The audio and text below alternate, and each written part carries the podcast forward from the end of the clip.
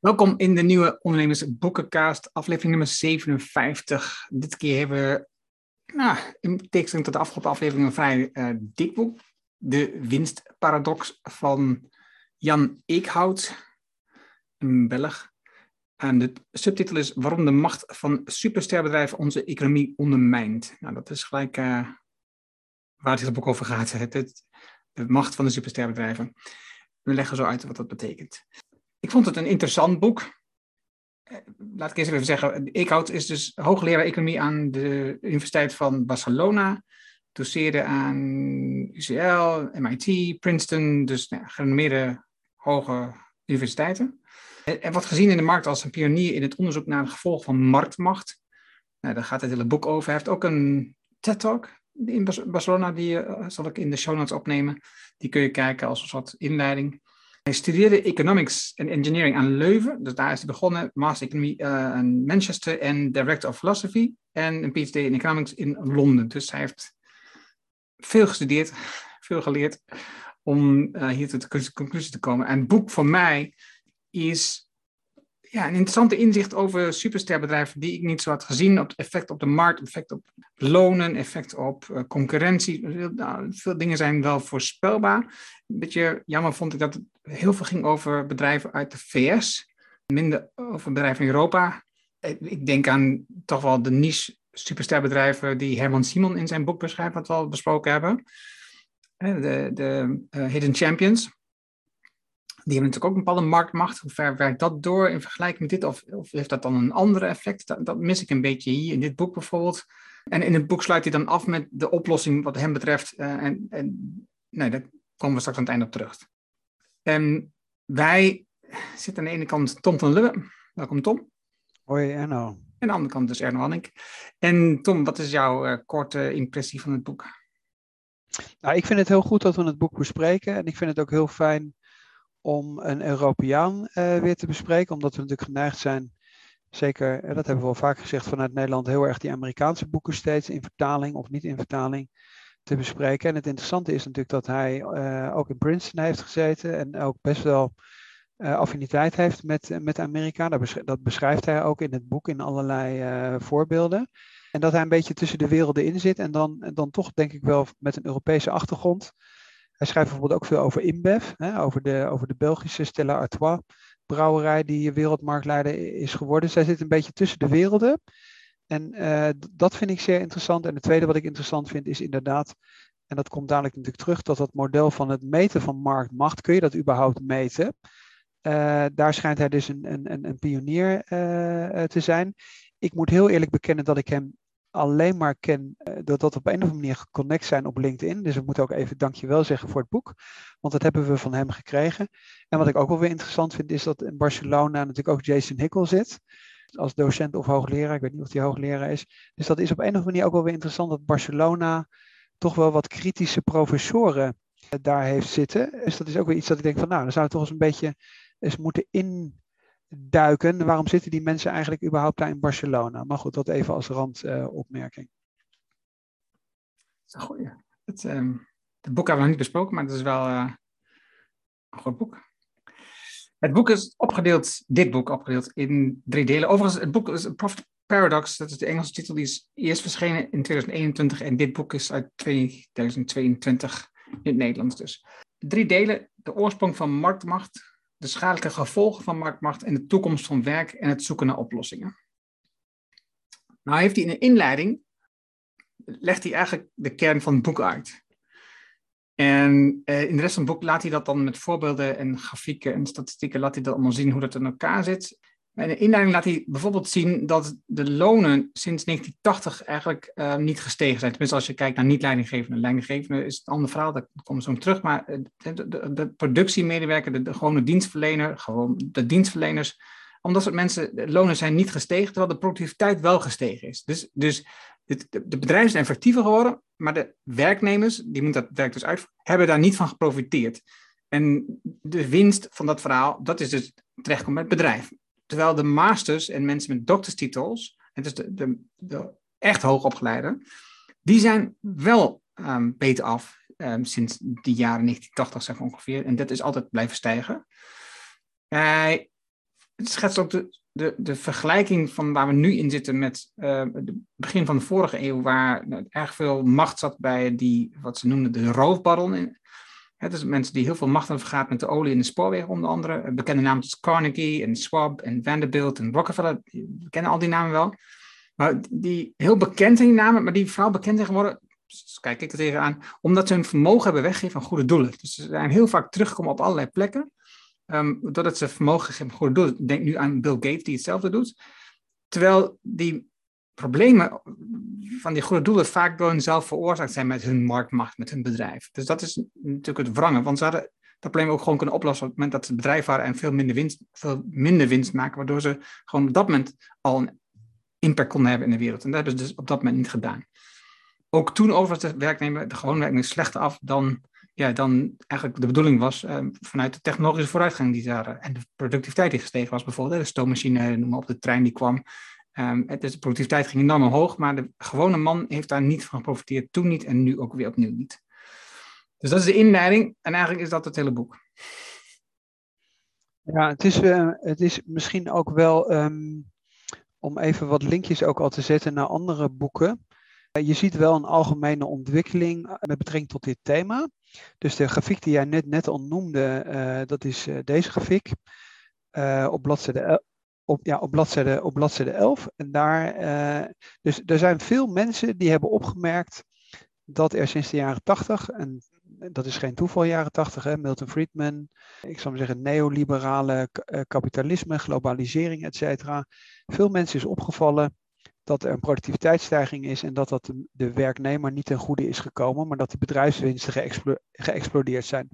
En ik wilde even, even twee linkjes zetten, want het kan best zijn dat we die boeken in de toekomst bespreken het gaat dan uiteindelijk over, over oligopole structuren. Je had het al even over het verleden hè, van, de, van de olie en van de spoorwegen, et cetera. De rubber barons, et cetera. Je noemde de namen al. En je hebt een soort, soort gelijke ontwikkeling. En de mensen die daar bijvoorbeeld ook over schrijven, is enerzijds vanuit ondernemersperspectief. Dus de ondernemer wil graag monopolist zijn, omdat hij zoveel mogelijk geld wil verdienen. Hij, komt het, hij heeft het naar de hand over Warren Buffett, die in dat soort bedrijven investeren. Maar degene die daar een excellent boek heeft geschreven, en ik meen dat wij dat nog niet besproken hebben, is Peter Thiel. Zero to One, wat mij betreft een van de allerbeste boeken, ondanks het feit dat, dat, dat de man niet mijn sympathie heeft, maar uh, wel een zeer, zeer intelligent boek. En het andere boek, wat ook wel bekend geworden is in Nederland, is het boek van Anand Giryazas. Ik weet niet precies hoe ik het goed uitspreek. Dat is die, die, ik noem het maar, Amerikaan met Indiase roots. Die bijvoorbeeld ook in de Tweede Kamer een keer is uitgenodigd. Daar ging het ook over de rol van die grote ondernemingen. En die heeft een boek geschreven, Winner Takes All. En daar gaat het ook om die extrapoliserende werking, zou ik maar zeggen, van die enerzijds van die globalisering of macht, et cetera, waar die hier op terugkomt. Dus er zijn op dit moment best wel meer boeken die over dat thema uh, gaan. En misschien is het interessant daar ook eens in te duiken. Anand, juist, dat is Anand, die zat ook in tegenlicht um, over dat onderwerp. Dus een zeer interessante aflevering op de, met hen daarover. Dus um, als je, als je meer, als je naar aanleiding van deze boekbespreking denkt, ik wil echt meer weten over het onderwerp, dan is dat ook zeker een goed stappunt om te kijken wat je daarvan vindt. Laten we beginnen met de oorsprong van marktmacht. Hè. Dus, dus hij, hij begint met um, het verhaal over de slotgracht. En dat, ik denk, ik weet niet zeker, maar in ieder geval, hij, hij beschrijft hoe uh, Buffett dat uh, ja, zo benoemt. Dat het belangrijk is voor bedrijven die goed draaien, dat die hun slotgracht verbreden of verdiepen, hoe je het moet bekijken. En met de slotgracht bedoel dus, je hebt, je hebt de rijkdom van het bedrijf in het midden en daaromheen bouw je een hele grote barrière. Uh, waardoor mensen slecht kunnen toetreden tot de markt of eh, concurrenten. Uh, waardoor um, jouw technologie beschermd wordt, waardoor uh, je mensen beschermd worden in het bedrijf werken en, en slecht kunnen wegkomen, om dat wat te noemen. Dus, dus je, je maakt die slotgracht groter om ervoor te zorgen dat mensen slecht naar binnen kunnen komen, maar ook dat mensen er slecht uit kunnen uit het bedrijf. En dus, dus als je veel winst maakt als bedrijf, je bent groot, dan doe je er goed aan, zegt Buffett onder andere, om de slotgracht zo groot mogelijk te maken, want dan versterk je je positie. Waar dit naar voren ziet komen is bijvoorbeeld dat ze dus, en daar staat ook een grafiek van in, de markup, hè, dus dat is het percentage wat um, uh, bovenop de kosten zit, uh, naar de verkoopprijs, die markup, um, die is gewoon verhoogd sinds 1980. En in het begin was dat winst, als percentage van winst, dat is ongeveer 1 tot 2 procent. En in 2015 was dat 7 tot 8 procent. Het bijzondere is natuurlijk die, die, dat, dat geld, die winst, die komt dus terecht bij de eigenaren of de aandeelhouders van dat, van dat bedrijf. En niet meer bij de werknemers. Voorheen zat dus een deel van die winst in de kosten, in het loon van die werknemer. Nu gaat dat als winst rechtstreeks naar de aandeelhouders. Dat is natuurlijk uh, waar het allemaal om draait. Dat die mensen alleen maar rijker worden, die aandeelhouders, en dat de mensen die het werk moeten doen, um, niet rijker worden. Ik wil niet zeggen allemaal, maar in ieder geval niet rijker worden. Het is de toename van markt, maar het is slecht voor de werknemer, zegt hij. Um, geld verplaatst zich van compensatie voor werk naar compensatie van winst. Het verschuift zich van werknemer naar eigenaar. Ja, maar het andere aspect wat hij ook noemt is dat hij zegt van nou in een, ik zal maar zeggen, een liberale economie, waar wij van denken dat er, ik zal maar zeggen, perfecte concurrentie is. En als een bedrijf veel winst maakt, dat er dan toetreders komen, waardoor de winst van bestaande bedrijven afneemt. Hij zegt van ja, als je naar de getallen kijkt, en dat noemt hij dan dus markup. Uh, dat is hier de grafiek op uh, bladzijde, bladzijde 37 voor de, voor de kijkers thuis. Uh, daar zegt hij van nou, 19, in 1980, dus even op een iets andere manier, was het 1,2. En in 2019 1,5. En dat betekent dat bedrijven eerst 21% boven de kostprijs verkochten.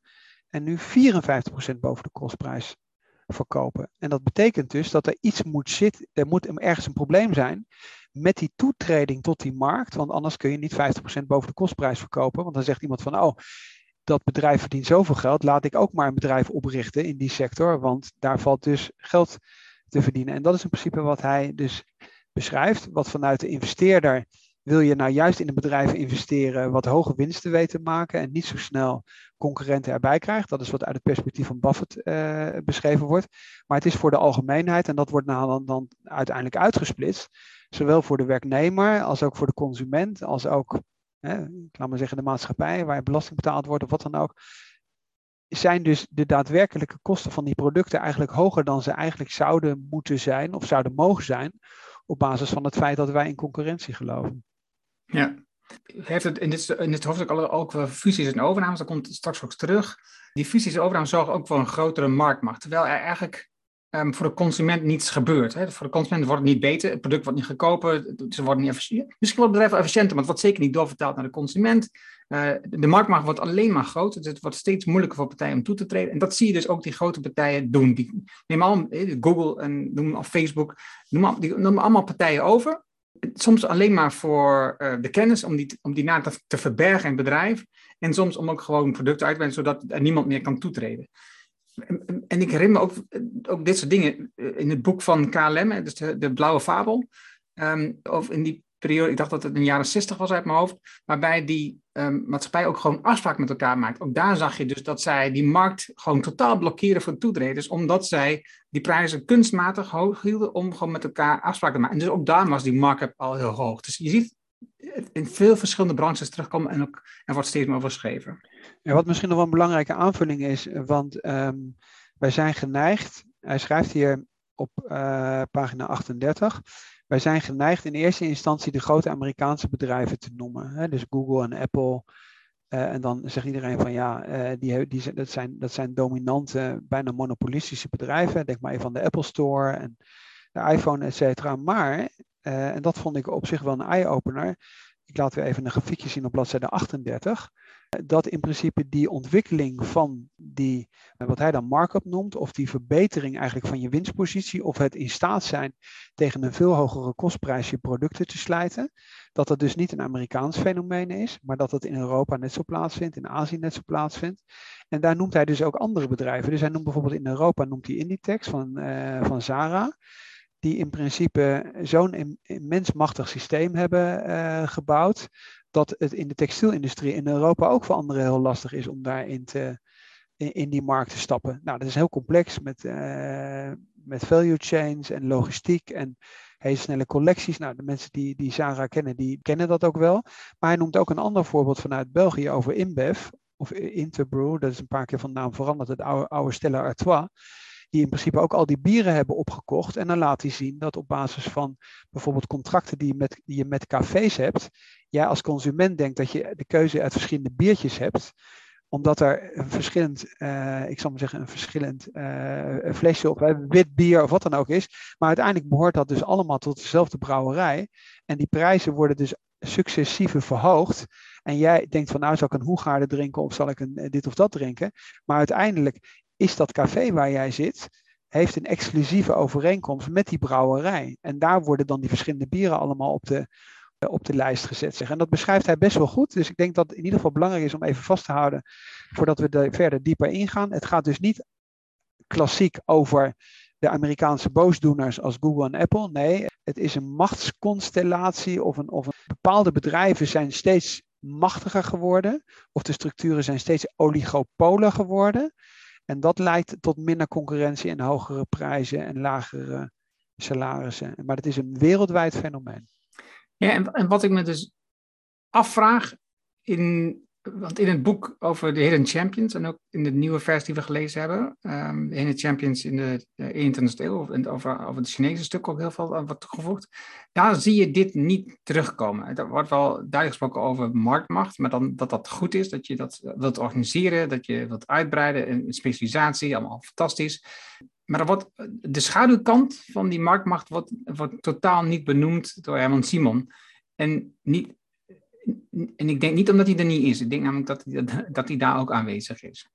Ja, wat natuurlijk het interessante is, is dat natuurlijk juist Herman Simon de specialist is voor pricing met Simon Koegen en partner.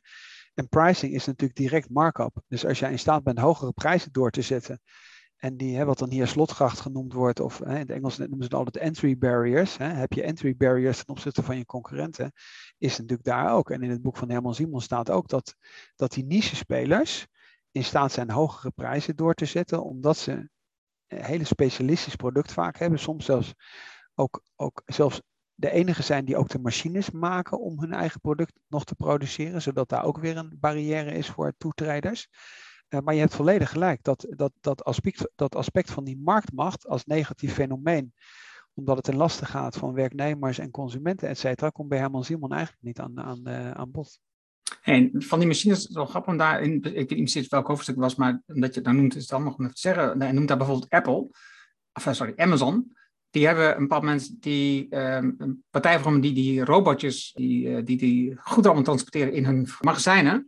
En dus, er zitten van die kleine, die, heb je, die filmpjes heb je precies een keer gezien, van die kleine robotjes op de grond met al die pakketjes bovenop. En die rijden rond en, een klapje. Maar dat, die partij hebben ze opgekocht. Dat is, dat is nog niet zo heel erg, dat kan nog. Maar ze hebben dus een exclusiviteit ervan gemaakt. Niemand meer kan die robots op dat moment. En, dat is natuurlijk wel funest, want dat betekent dat een andere partij dat op die manier kan organiseren wat hij beschrijft, net had ik het over, je hebt dus die, die um, fusies en overnames als een mogelijkheid om, om een grotere marktmacht te worden. Um, de andere kant is de technologische verandering. Hè? Dus dan, dan, dan heb je dus dat je technologisch beter wordt. Uh, want dat maakt bedrijven ook groot. Hè? Dus als jij een technisch product hebt wat beter is dan, dan je concurrenten, dan kun je daar dus een voorsprong behalen. Nou ja, denk aan Google, denk aan Facebook, denk aan Uber.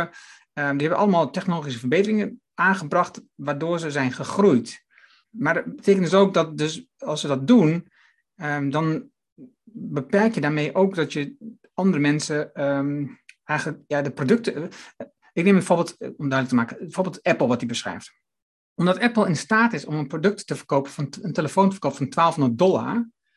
Wat, wat eigenlijk, eigenlijk ook voor 400 dollar verkocht kunnen worden. Als je de kostprijs hebt en de normale marge. Dan betekent het dat je heel veel mensen de kans opneemt om dat product te kopen. Dus je, eh, steeds minder mensen kunnen het product veroorloven. Daardoor worden er minder producten verkocht. Niet iedereen kan dat product, wat ook minder. En dus zijn er min, minder mensen nodig om het product te maken. Dus de winst gaat, om dat nog een keer aan te zetten, de winst gaat dat moment dus van de, de werknemer naar de winst van de eigenaren, de aandeelhouders. Want de marge, de marge, die, de extra marge, die gaat gewoon rechtstreeks naar de aandeelhouders en naar niemand anders. Het is dus ook al heb je technologische verbeteringen, zoals net zei met Amazon, met Apple, um, dan nog die partijen zijn, doordat ze zo groot zijn geworden, in staat, um, of uh, het maakt niet uit, het kan ook Europese bedrijven zijn, om hogere prijzen vragen, waardoor minder producten worden verkocht, waardoor zij minder mensen nodig hebben om die producten te produceren. En dat is uiteindelijk de hele, de hele ja, crux waar het allemaal om draait. Ja, de winst wordt in principe gemaximaliseerd Hoewel hij wel de kanttekening maakt dat het best zou kunnen zijn dat als je met veel meer mensen dat zou doen, je uiteindelijk zelfs onder de streep een hogere winst hebt.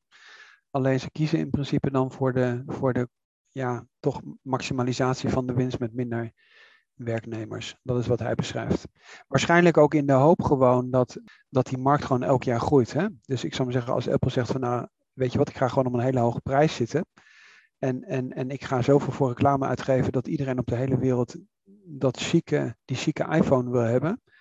En bepaalde landen worden bijvoorbeeld ook rijker. Dan komt dat allemaal wel. dus dat, en dat geldt nu voor andere segmenten ook. Je maakt er eigenlijk een soort luxe item van. En hoop dan dat, stil, is dat steeds meer mensen dat luxe, dat luxe item willen hebben. Net zoals bijvoorbeeld met auto's in China die van Duitse makelij zijn. Terwijl je natuurlijk als Chinees ook een Chinese auto kunt kopen. Alleen dat wil je niet. Want je wilt laten zien dat je succesvol bent. Dan ga je met een Duitse auto in China rijden. Oké, deel 2. Uh, de schadelijke gevolgen van marktmacht. Nou, we hebben het net al een beetje genoemd. Maar wat hij beschrijft is dat er een nauw verband is tussen de opkomst van marktmacht en het dalen van de lonen. Nou, je hebt net die grafiek al genoemd. Um, dus eigenlijk is dit, begint een soort herhaling nu op te treden. Maar, en hier schrijft ook weer, de hoge prijs, minder producten verkocht, minder mensen nodig. Dus alles lijkt vaker terug te komen. Maar door dus de marktmacht heb je dus minder concurrenten die mensen nodig hebben. Dat is waar het hier om draait. Want in het eerste hoofdstuk, bij afgaand getij zakken alle boten. Dat is waar het om draait, dit hoofdstuk. Dus het is als, als het water daalt, het getij, dan dalen alle boten. Maar als de marktmacht dus sterker wordt, hebben we dus minder concurrenten die mensen nodig hebben. En dus minder concurrentie om de mensen die de, het werk zouden doen, waardoor het loon in de markt daalt. Want degene die zo'n hoge marktmacht heeft, is in staat om te zeggen dat ze gewoon minder betalen. Nou, daar hebben we ook genoeg voorbeelden van gezien. En door deze, omdat ze zo groot zijn, krijgt men met, daardoor daalt dus de hele loon van mensen in de markt. En er is een um, lang woord voor mon monopsoniemacht. Dat is het onderbetalen van de werknemers. Het is niet dat je ze uh, minder betaald dan toegestaan is, maar je laat het in ieder geval niet stijgen. Dat heeft natuurlijk ook te maken met bijvoorbeeld dat de vakbonden zijn afgenomen. Hè, de, uh, dus een heleboel dingen zijn daar, uh, hebben daar, spelen een rol.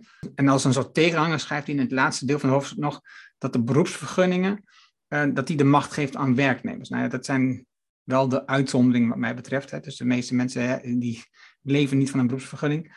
Maar goed, ja, hij beschrijft in principe gewoon een hele hoop elementen eh, die je natuurlijk met gezond mensenverstand ook allemaal bij elkaar kunt verzinnen. Dus het is altijd zo dat als iemand overmachtig is, of oppermachtig is, of monopolistisch, of een oligopole kartelachtige structuur is, dat het gewoon heel lastig is. als jij natuurlijk de enige, bijvoorbeeld, hij noemt een voorbeeld, als jij een hele grote werkgever bent in een kleine gemeente, hij noemt in dit geval dan Toyota, ja, dan heb je, kun je alleen maar bij Toyota gaan werken in dat dorp. En dan zegt Toyota van, nou, je kunt kiezen of je komt bij ons werken tegen dat salaris, of uh, je gaat maar ergens anders naartoe, zou ik maar zeggen. En dat is natuurlijk, uh, dat is natuurlijk uh, wat je veel ziet.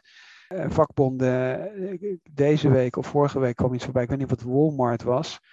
en die zeggen dan, we gaan alleen nog maar mensen aannemen die, die niet lid zijn van, van een vakbond. Terwijl wij juist, ik zou maar zeggen, denk ik wel in de grondwet hebben, dat je natuurlijk toch wel de vrijheid hebt om lid te, te mogen zijn van de vakbond. Net als je op basis van je politieke uh, kleur niet ergens ontslagen zou mogen worden. Maar dat soort dingen gebeuren allemaal wel. En dan, dan kun je daar in principe tegen zijn. Als jij alleen als dat soort bedrijven oppermachtig zijn, dan wordt het natuurlijk uiteindelijk heel lastig. En hij beschrijft het in een hele hoop verschillende, in een hele hoop verschillende dimensies. Iedereen kent dat ook wel van de detailhandel. Als jij een heel groot volume inkoopt, en je zegt van uh, tegen de fabrikant van nou wij willen als Aldi, Lidl, weet ik veel wat allemaal, Walmart, wij willen jouw product wel in de schappen opnemen, dan ben je binnen de kortste keren als bedrijf afhankelijk. Want als je aan Walmart of aan een grote supermarktketen levert, of Ahold, ja, dan zul jij heel veel moeten produceren. En dan komt desbetreffende supermarktketen die ja, sluit dan een contract af voor een paar jaar, komen dan terug en zeggen tegen jou, beste Erno, je hebt de afgelopen vijf jaar heb je voor ons weet ik veel wat geproduceerd. We willen best met jullie verder samenwerken, maar wel tegen een andere prijs. En daar sta je dan met je mooie gedrag en je fabriek die, waar je in geïnvesteerd hebt en honderden mensen die je op de loonlijst hebt staan. En dan ga dan maar zeggen tegen die ene, ene klant van jou waar je inmiddels 80% van je omzet naartoe brengt. Nee, dat gaan we niet doen. Beste Albert Heijn of Jumbo of wat dan ook. Dus iedereen begrijpt dat in principe wel hoe schadelijk dat, uh, dat is. En dat doet hij in allerlei, in allerlei dimensies, in allerlei facetten. Ja, en dan hebt u, hier komt dan een stukje uh, wat wel iets anders is. Hier um, heeft hij het over de sterneconomie. Waarbij hij het stuk, er heeft twee hoofdstukken een beetje over gaan. Het ene gaat over de sterneconomie in het bedrijf, het andere gaat over bij de onderzoekscentra en, en de school, universiteiten. Doordat dus die marktmacht, uh, die bedrijven zijn zo groot, hè, dus er zijn dus minder bedrijven, maar de, en dus de ruimte aan de top is smaller. Maar op het moment dat je dus bij zo'n topspeler zit, um, dan verdien je meestal ook veel meer. Hè, dus omdat er minder partijen zijn, zijn er minder mensen die heel veel verdienen. Dus het gat tussen mensen die veel verdienen en, weinig verdienen wordt steeds groter. Omdat die mensen die bij zo'n groot bedrijf gaan werken en die dus wel in die top zitten, die verdienen steeds meer. Dat, ook dat is natuurlijk een soort ongelijkheid die ontstaat, die, die eigenlijk bijna niet meer te stoppen is. Als, als je zo'n ster op zo'n plek zit, kun je ook gewoon meer vragen. Je krijgt meer aanbiedingen die, die ten koste gaat van al die andere mensen die, ja, die daar een beetje onder bungelen. Het, het gat tussen die ster en de eerste niveau, dat is, dat is enorm. Ja, maar dat is de bovenkant van de markt. Hè? Dus ik zal maar zeggen, dat klopt voor, uh, voor de Apples van deze wereld. Die dus nee, maar ook, principe... ook CEO's bijvoorbeeld, hè? Ook, eh, of uh, topmanagers. Hè? Ja, maar dat is de bovenlaag. Dus ik zal maar zeggen, dat is de grafiek van, die jij helemaal in het begin noemde, uh, van pagina 12. Waar je ziet dat mensen die een universiteitsopleiding hebben, die zijn er wel vooruit gegaan. En de mensen die een hele lage opleiding hebben, die zijn er op achteruit gegaan. En het voorbeeld van Walmart is dat, dat Walmart is de grootste werkgever, waarschijnlijk een van de grootste werkgevers van de hele wereld. En de mensen verdienen niet genoeg, zodat ze foodstamps nodig hebben. En die hebben geen onderhandelingsmacht. De CEO of de Ivy League speler of de, de, de voetbalsterren noemt hij, et cetera. Of de CEO's, die zijn erop vooruit gegaan en die aan de bovenkant zitten, die, die profiteren daarvan. Dus dat, die ongelijkheid, die, die, die beschrijft hij in principe ook. Dus die ongelijkheid tussen, tussen ik zal maar zeggen, tussen laagopgeleide en hoogopgeleide is groter geworden. Net zoals we dat kennen van, van, van hoeveel keer verdient de CEO het, het salaris van het laagste salaris in, in de organisatie of het gemiddelde salaris in de organisatie. Dat is in de loop van de tijd allemaal uit elkaar gegaan. En je krijgt een principe van wat uit de cultuur we kennen en uit de, uit de voetballerij, et cetera.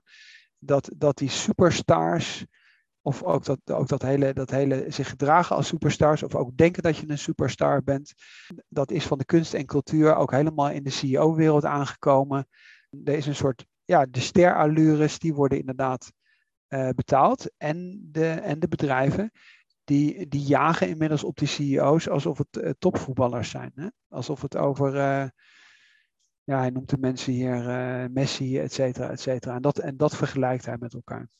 Ja, waar je nou wel zegt dat, dat het feit dat je zo'n topster wordt, zo'n megaster wordt, dat is voor een groot deel afhankelijk van geluk. Hè. Het heeft te maken met talent, maar voor een heel groot deel is afhankelijk van geluk.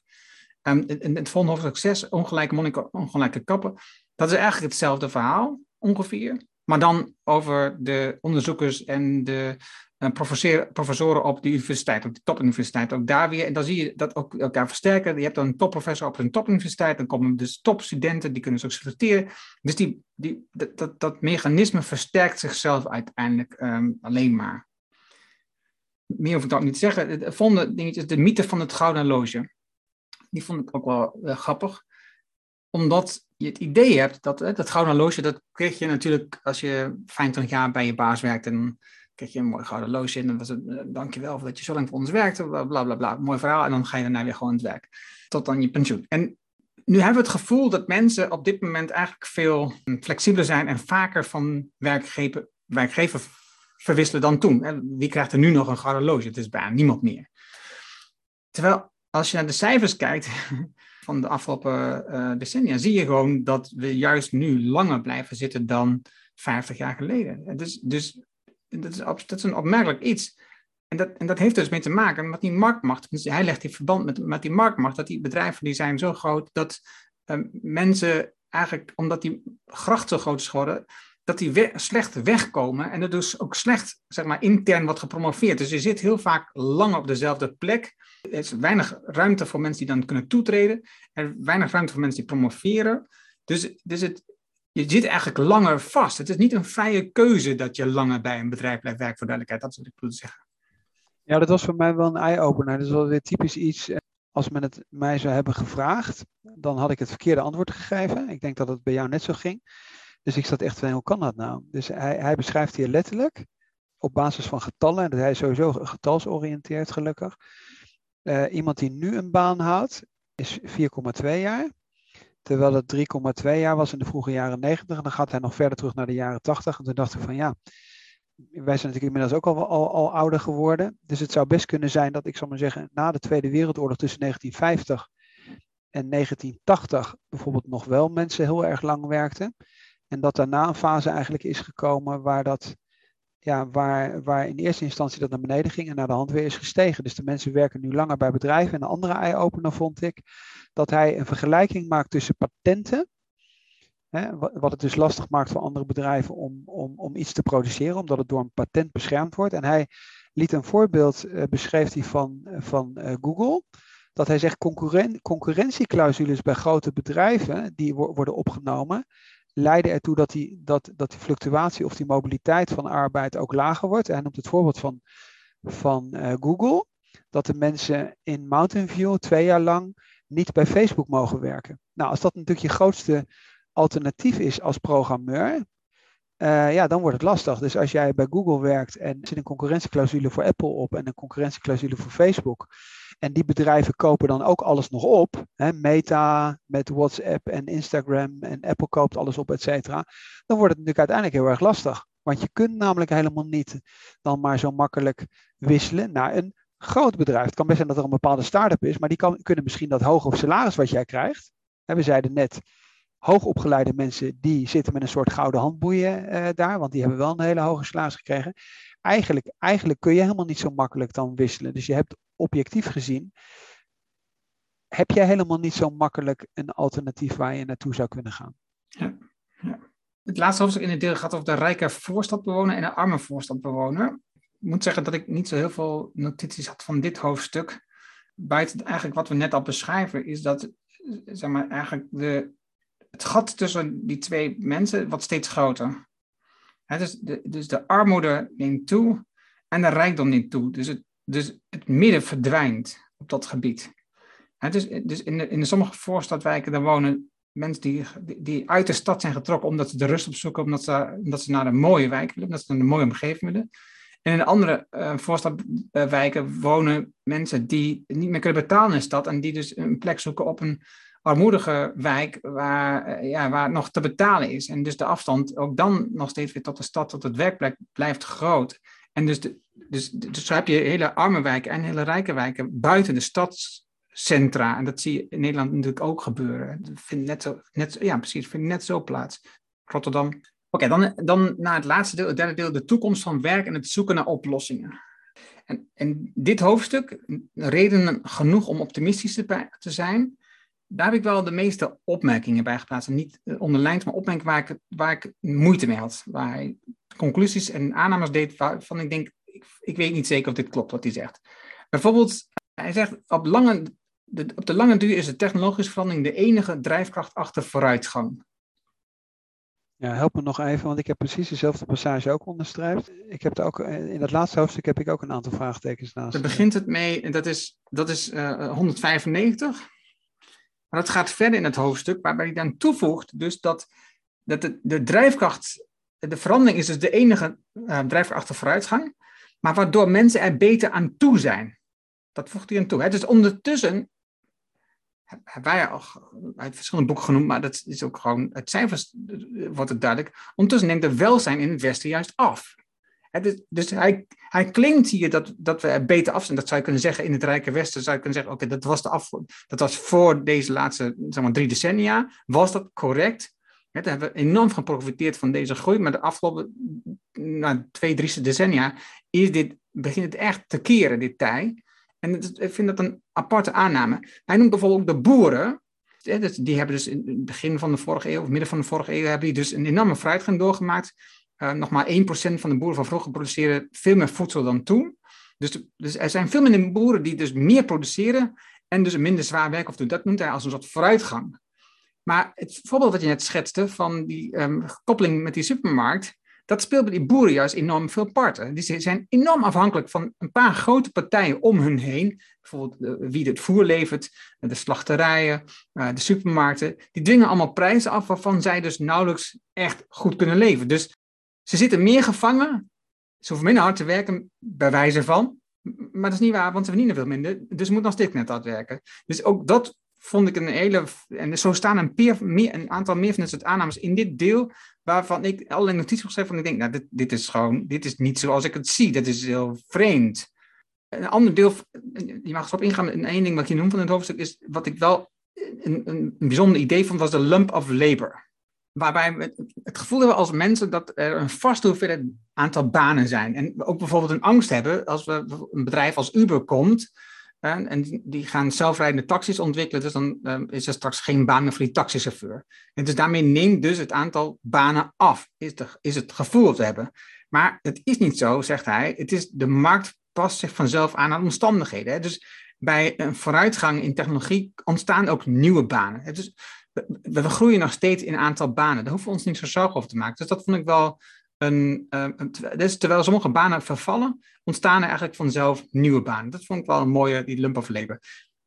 Wat, wat, had jij nog opvallende dingen in dit stuk? Nou, inderdaad, juist omdat hij zo kwantitatief eigenlijk de insteek kiest van het boek, heeft mij dat laatste hoofdstuk voor een gedeelte, of heeft me dat gedeeltelijk ook verbaasd. En ik wilde ook dan nog even één, één voorbeeld uithalen, omdat ik daar ook, ik zou maar zeggen, als ondernemer wat dichter op zit. Uh, hij zegt op bladzijde 235, het feit dat er gemiddeld veel minder werken dan vroeger is een keuze die ons een betere kwaliteit van het leven geeft.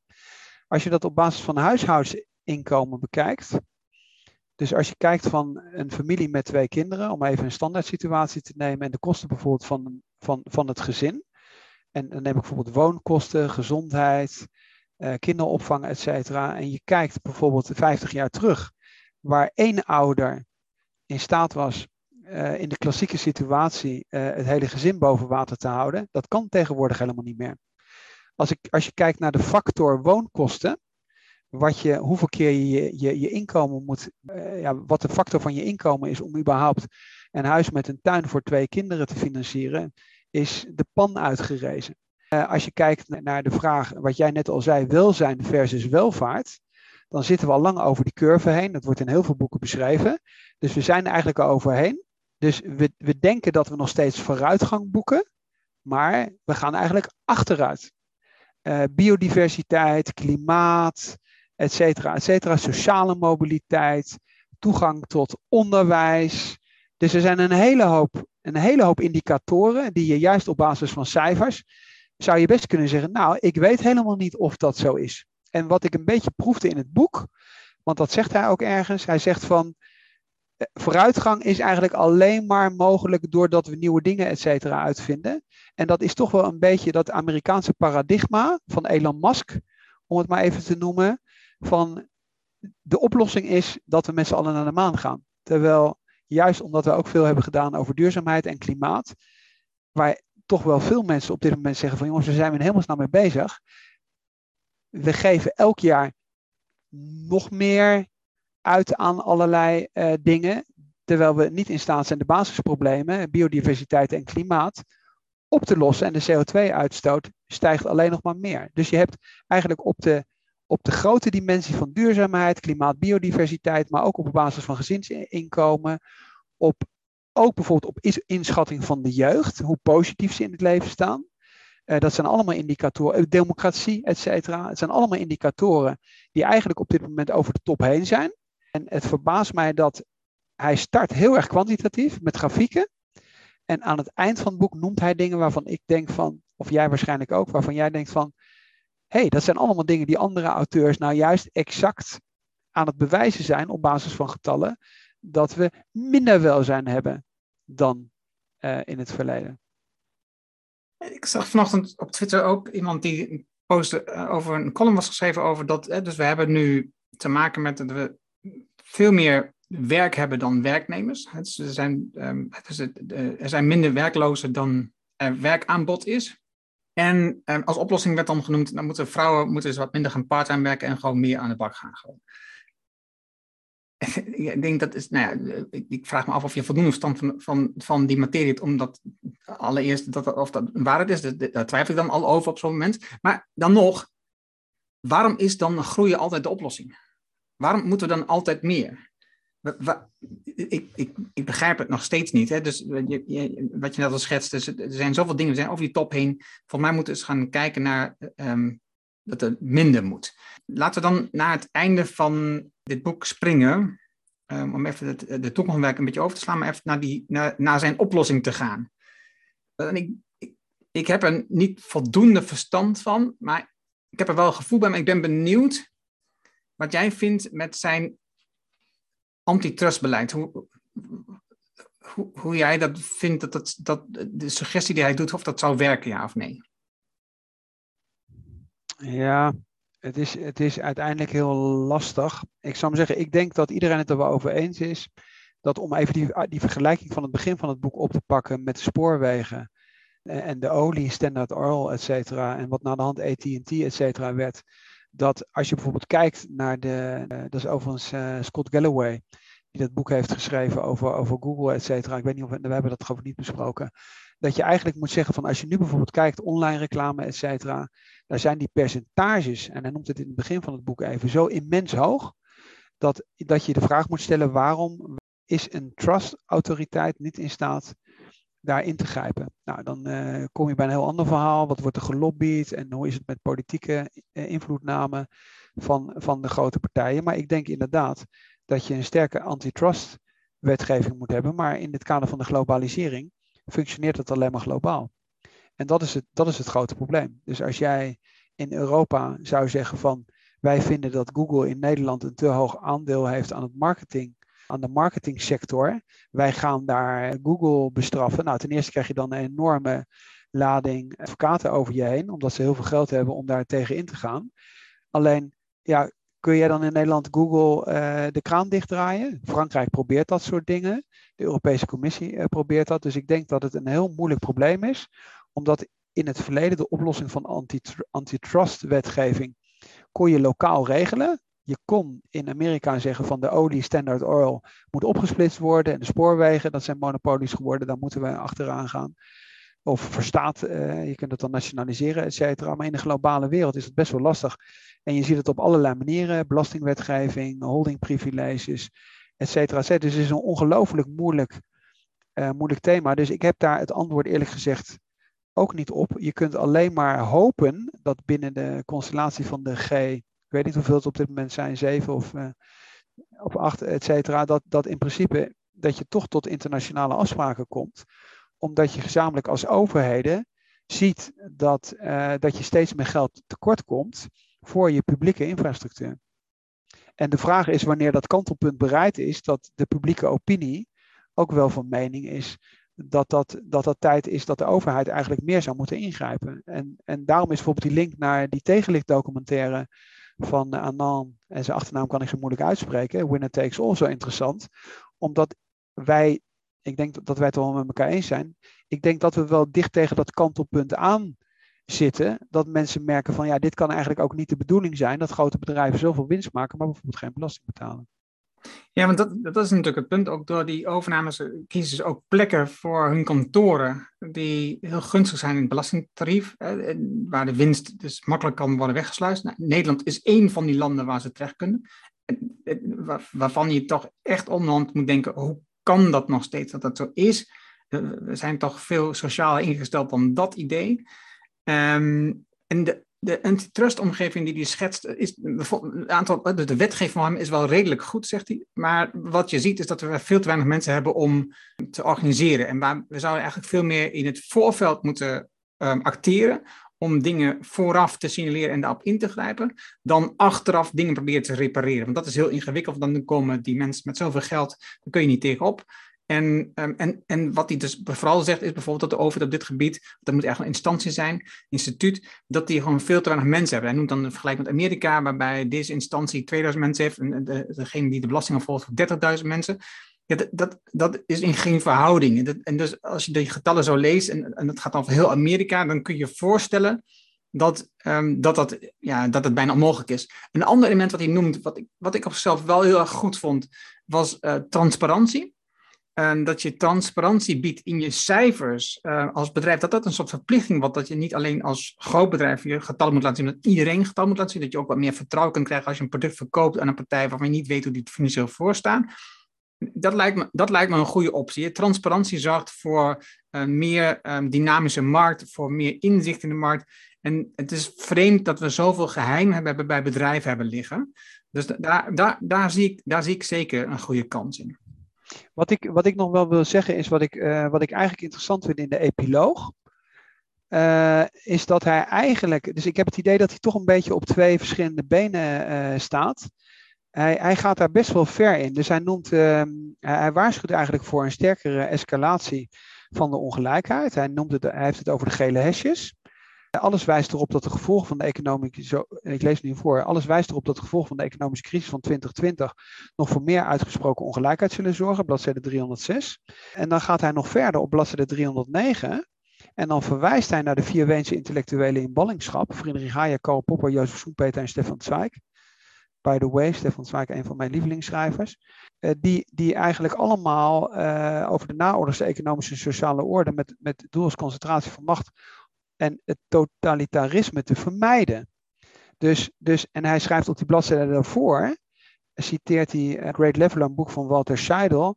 En, en wat is daar de these? En dat is best wel een uitspraak, dat alleen massaal geweld en catastrofes de enige krachten zijn die de ongelijkheid kunnen verminderen. Dus op enerzijds ziet hij ook het immense gevaar, maar de oplossingen, hoe je dat eigenlijk zou moeten oplossen, en dan denk ik bijvoorbeeld toch ook weer even aan het boek van de man van uh, Kate Rayworth.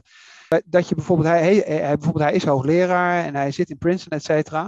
Maar dan zou je toch eigenlijk moeten zeggen, jongens, die, die grote eh, polarisatie die we hebben, uh, die zou veel radicaler, uh, daar, daar, hebben we veel radicalere oplossingen voor nodig. En dat zou bijvoorbeeld onderwijs zijn. De, de toegang tot onderwijs, in, in, juist in Amerika, is steeds slechter geworden door die hoge collegegelden. Dat betekent dat je moet pleiten voor een onderwijs waar je niet voor hoeft te betalen. En die uitspraken zie ik juist van een hoogleraar die op al die universiteiten in Amerika ook gedoseerd heeft. Ik had eigenlijk wel gehoopt dat juist omdat hij in Leuven zelf student is geweest, dat hij die vergelijking maakt en zegt, in Amerika moet je 100.000 euro betalen. Wie kan dat eigenlijk überhaupt betalen? In Leuven mag iedereen studeren. Jongens, dit is een recipe voor disaster. Want hij citeert op 308 wel de auteur die zegt van jongens, als we zo doorgaan, dan krijgen we oorlog of revolutie. Oké, okay. in het kort. Is dat, is dat een mooi slotwoord? Ja, zeker. Eh, zeker. Ik had, um, het is een, een vrij fors boek, uh, eh, 300 pagina's, wat in mijn optiek met de helft uit uitgekund, gok ik even. Het is wel interessant. De stof is super interessant. Er zijn meerdere boeken over dit onderwerp. We hebben net al gezegd, Winner Takes All, Zero to One. Dus, dus er, zitten, er zitten meerdere onderwerp, eh, meer boeken op dit onderwerp. En ik denk dat wat je al schetst, dat het einde eigenlijk, nou, scherpere oplossingen had kunnen, had kunnen bieden. Dat is een beetje mijn analyse van, van het boek en van ons gesprek. Uh, hoe ik er nu tegenaan kijk ondertussen. Ja, ik denk dat het wel interessant zou zijn om eens met hem van gedachten te wisselen, omdat ik er wel van uitga. Ik heb ook gekeken bijvoorbeeld in de literatuur, uh, in de literatuur of die boeken bijvoorbeeld genoemd worden en ik, ze worden niet genoemd. Ik denk van ja, ik ga er eigenlijk wel van uit, omdat die boeken best wel in het nieuws zijn geweest, dat hij de boeken kent. En ik zou wel interessant vinden wat hij daarvan vindt. En mijn takeaway is dat het logisch is dat een ondernemer er naar streeft monopolist te zijn. Want dan wil zijn bedrijf opbouwen en uh, heeft hij winst nodig om verder te groeien, et cetera. Dat is op zich allemaal nog verklaarbaar. Dat is dat zero to one van Peter Thiel. Maar vanuit maatschappelijk oogpunt zul je, zul je moeten erkennen dat, dat als je te veel macht hebt, en dat is ook eigenlijk denk ik onze grote kritiek op mensen als Bezos en Musk, et cetera, dat dat maatschappelijk ondermijnend is. En dat je dan op een gegeven moment niet alleen maar ondernemer bent, maar ook burger en een, en een verantwoordelijkheid hebt naar de maatschappij toe. Net zoals je als universiteitsbestuurder ook niet alleen maar de verantwoordelijkheid hebt om Harvard zo rijk mogelijk te maken en die endowments, maar dat eigenlijk de uit, het uitgangspunt van je universiteit is toegang tot onderwijs zeker te stellen en zoveel mogelijk sociale mobiliteit in een land te bewerkstelligen. En niet een institutie te zijn waar alleen maar kinderen kunnen studeren van ouders die heel veel geld hebben. Dus ik denk dat het zou wel interessant zijn met hem daar eens over in gesprek te gaan. Ja, en ik, ik hoop vooral dat er meer ondernemers komen die niet de gedachte hebben dat, dat als jij de enige bent in de markt, dat je dan het beste is. En dat, dat je dat wil nastreven. Dat is wat ik hoop. Dat er meer ondernemers opstaan die niet denken in winstmaximalisatie, maar meer in impactmaximalisatie. Overigens niet dat je dan van droog brood moet eten, moet leven. Je kan nog steeds goed leven, maar dat je niet gaat voor alleen maar winstmaximalisatie. Dat was hem. Super dankjewel voor het luisteren en voor het kijken als je naar de video kijkt. Um, graag tot over twee weken, of in de volgende aflevering waar je maar op dat moment luistert. En nou, dankjewel Tom. Dankjewel Anna.